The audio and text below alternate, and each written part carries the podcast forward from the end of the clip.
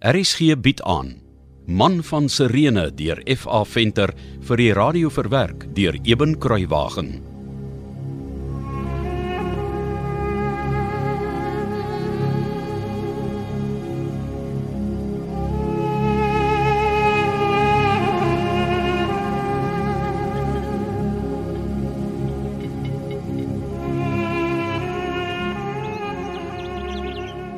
Isigiel. Het jy Simon iewers gewaar? Hy was net op van die olyfboord af op pad na die koringland. Maar ek het hom nog nie weer gesien nie. Soek jy hom? Ag, nee, nie eintlik nie. Ek wonder maar waar hy is. Ek het na hom geroep om te hoor of hy wil water hê. Ek's bekommerd oor Simon. Hoekom? Vandat Rufus en Maria laasie was, het hy vir my baie verander. Verander. Ja, hy het hy's vir my baie stil en hy praat baie selde met my. Praat hy darm met jou? Jy weet, ek gaan mos maar aan met my werk en so. Nou let ek nie so goed op hoeveel ek en hy praat nie. Ja. Maar wat ek van jou kan sê, is dat hy nie mooi elke dag weet wat hy gaan doen nie. Partykeer begin hy werk en as ek weer sien, dan staan hy net en kyk. Waarna? Nee, sommer na niks. Hy staan net en kyk deur ver. Kyk, dat Rufus by Marielle in Betania gaan bly het, dink ek kon hy nog op 'n manier mee saamleef, maar dat Rufus nou fisies met Jesus van Nasaret saamloop, elke dag in sy geselskap is en en met hom praat, dink ek is net te veel vir hom. Vas te bora. Kom Simon. Ah. Dis jy Deborah.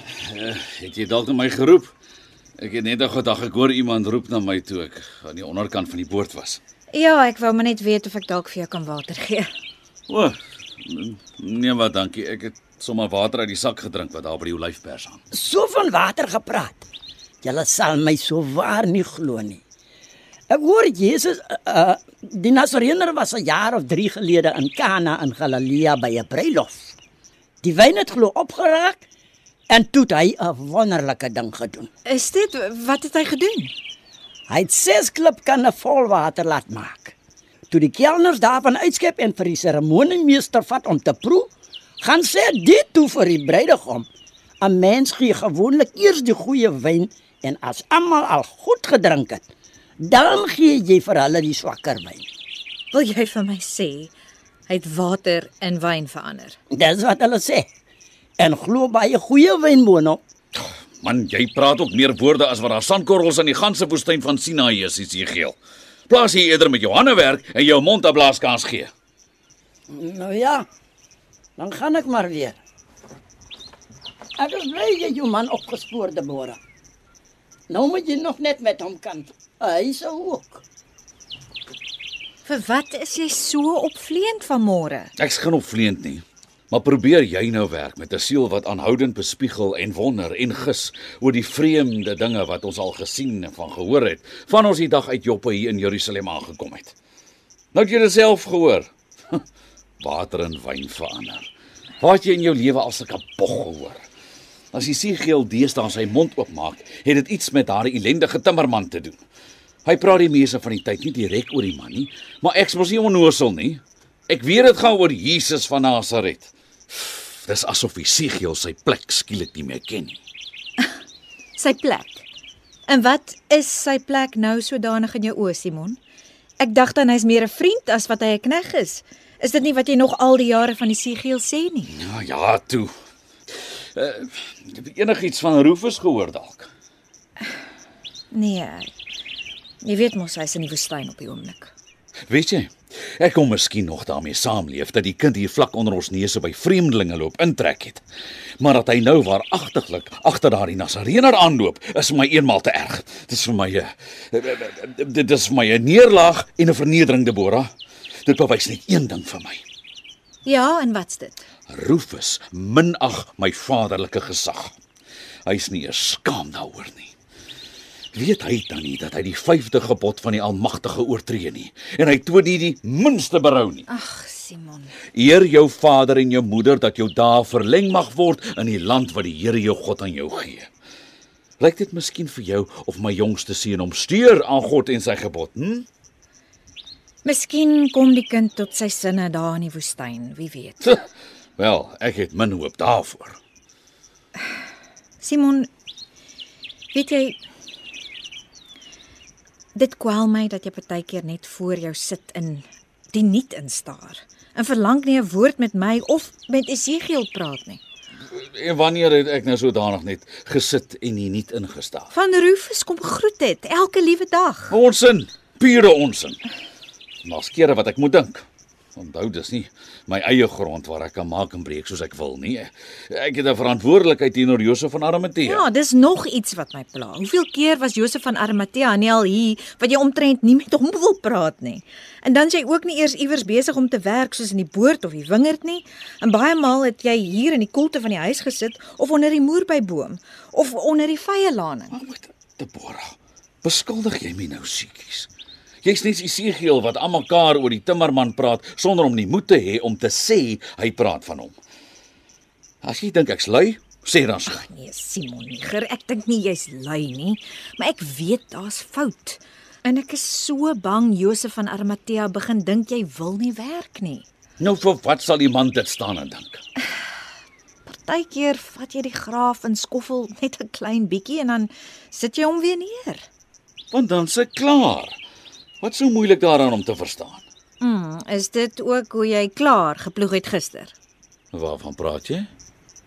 Esegiel het gister die grond op die onderste ou land gaan ombraak. Ek wou vir julle middagete vat, maar nog voor ek daar aangekom het, het jy die ploegstert net so in die middel van die land gelos en weggeloop. Goeieste weet waarheen.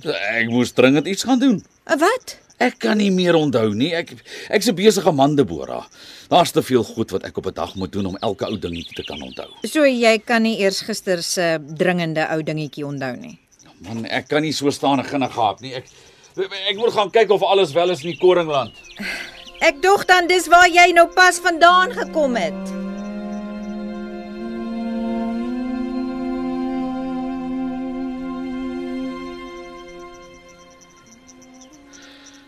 En wat hoor jy van Rufus Maria? Hy volg Jesus op die oomblik deur Samaria in Galilea, Vader Simon. Hmm. Maar u sal Rufus een van die dae weer sien. Dit het jy gesê toe hulle weg is na die woestyn van Efraim. Ek weet, Vader Simon, maar dit was voor Rufus besluit het hy wil langer by Jesus bly. Nou wanneer is een van die dae volgens jou? Om wanneer hulle vir die pas gaan na Jerusalem toe kom. Oh, en, en wie sê hulle kom na Jerusalem? Wie sê hulle gaan nie uh, Bethlehem of Nasaret of watter ander godverlate ou gegiet toe nie? Want Jesus kom altyd na Jerusalem vir die Pasga. Nou ja, ek kan nie staan en ginne gaap nie. Daar's baie werk wat wag. Vrede vir u, Vader Simon. Ai my kind, ek hoop nie Simon was ongeskik nie. Ek kon nou nie elke woord hoor waar ek doenig was nie, maar hy het nie vir my danig vriendelik geklink nie. Moeder Deborah, moet u asseblief nie daaroor bekommer nie. Ek verstaan arme Vader Simon se hart maar al te goed. Ja, ek's bekommerd oor hom. Dink jy hy sal ooit weer regkom? Natuurlik. Ek weet dit is vir hom moeilik om te aanvaar dat die Messias nie die oorlogsheld is wat die meeste Israeliete verwag het nie. Daar's baie van die ouer mense, veral die mans, wat bitter teleurgesteld is. Maar as hulle net eers kan verstaan waarvan die ware Messias, Jesus van Nasaret, hulle kom verlos het, sal hulle heeltemal anders dink. Ja, as ek net kon weet hoe om Simon te laat verstaan. Ek glo hy sal Jesus nog hoor praat en dan sal die stryd gewonne wees. Ek hoop so my liewe Maria. Ek hoop met my hele hart so. Hm. Ek waardeer jou ou kuiertjies so baie. Jy het in hierdie klompie weke na Rufus kom groet het, soos my eie dogter vir my geword. Ag, dankie moeder Deborah. U het vir my die moeder geword wat ek nie meer het nie. Dis wonderlik dat ons harte so vir mekaar kon oopgaan. Ek het jou bitter nodig, want glo my, Rufus se vader maak die lewe op die oomblik nie vir my baie maklik nie. Presies tog. As ek nou weer kom, gaan ek vir u 'n verrassing saambring. Wonderlik. Ek hou tog so baie van verrassings.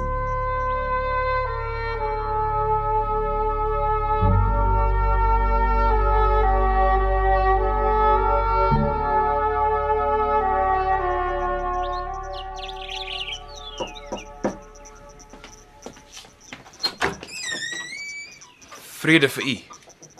Vrede vir u, vreemdeling. Vrou Deborah van Alexandrië. Ja? Jy is saam met die vreemdeling. Ek ek het regtig gedink toe my suster begin lag, sy het die verrassing bederf. Is dit wie ek hoop dit is? Wel, dit sal ek nou nie weet nie. Wie het moeder Deborah gehoop staan hier voor die deur? Presies wie ek gehoop het. Moeder Deborah kan seker raai wie die aantreklike jong man is, né? Ja, ja, ek kan. Ek ek kan my oë nie glo nie. Vrede vir jou, Lazarus my kind. Vrede vir u moeder Deborah. Ek het al so baie van u gehoor. En ek van jou. Ag, laat ek behoorlik na jou kyk. Jy's jou pragtige suster se ewebeeld. Lazarus het so daarna uitgesien om Rufus se moeder te ontmoet. So ek weet nie wie's meer opgewonde nie, moeder Deborah of Lazarus nie. O nee, dis verseker ek ongetwyfeld. Ag, maar kom tog in kinders, kom in. As julle nie omgee nie. Eh, Ons sit sommer hierso. Ja, natuurlik. Dis mos waar ons twee die lekkerste kuier. Wat 'n wonderlike verrassing.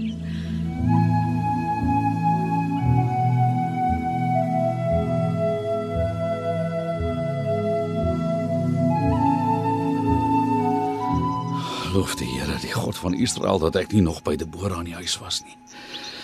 Gelukkig staan ek hier, goed versteek en ver van die huis.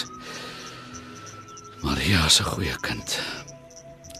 Maar haar broer, ek kan nie na hom kyk sonder om te voel asof daar 'n Nasareëner in my siel inkyk nie. Ek wil Lazarus van Betanië nie van naby sien as ek dit kan verhelp nie. En met hom praat nooit ooit weer nie.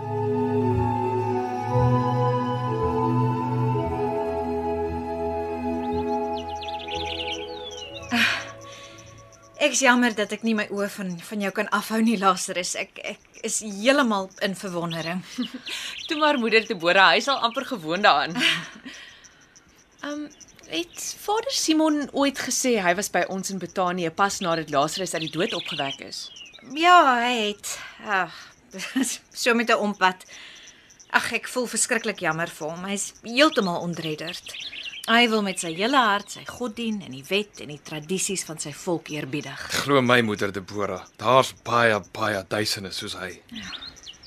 Maar hoe voel u oor Jesus?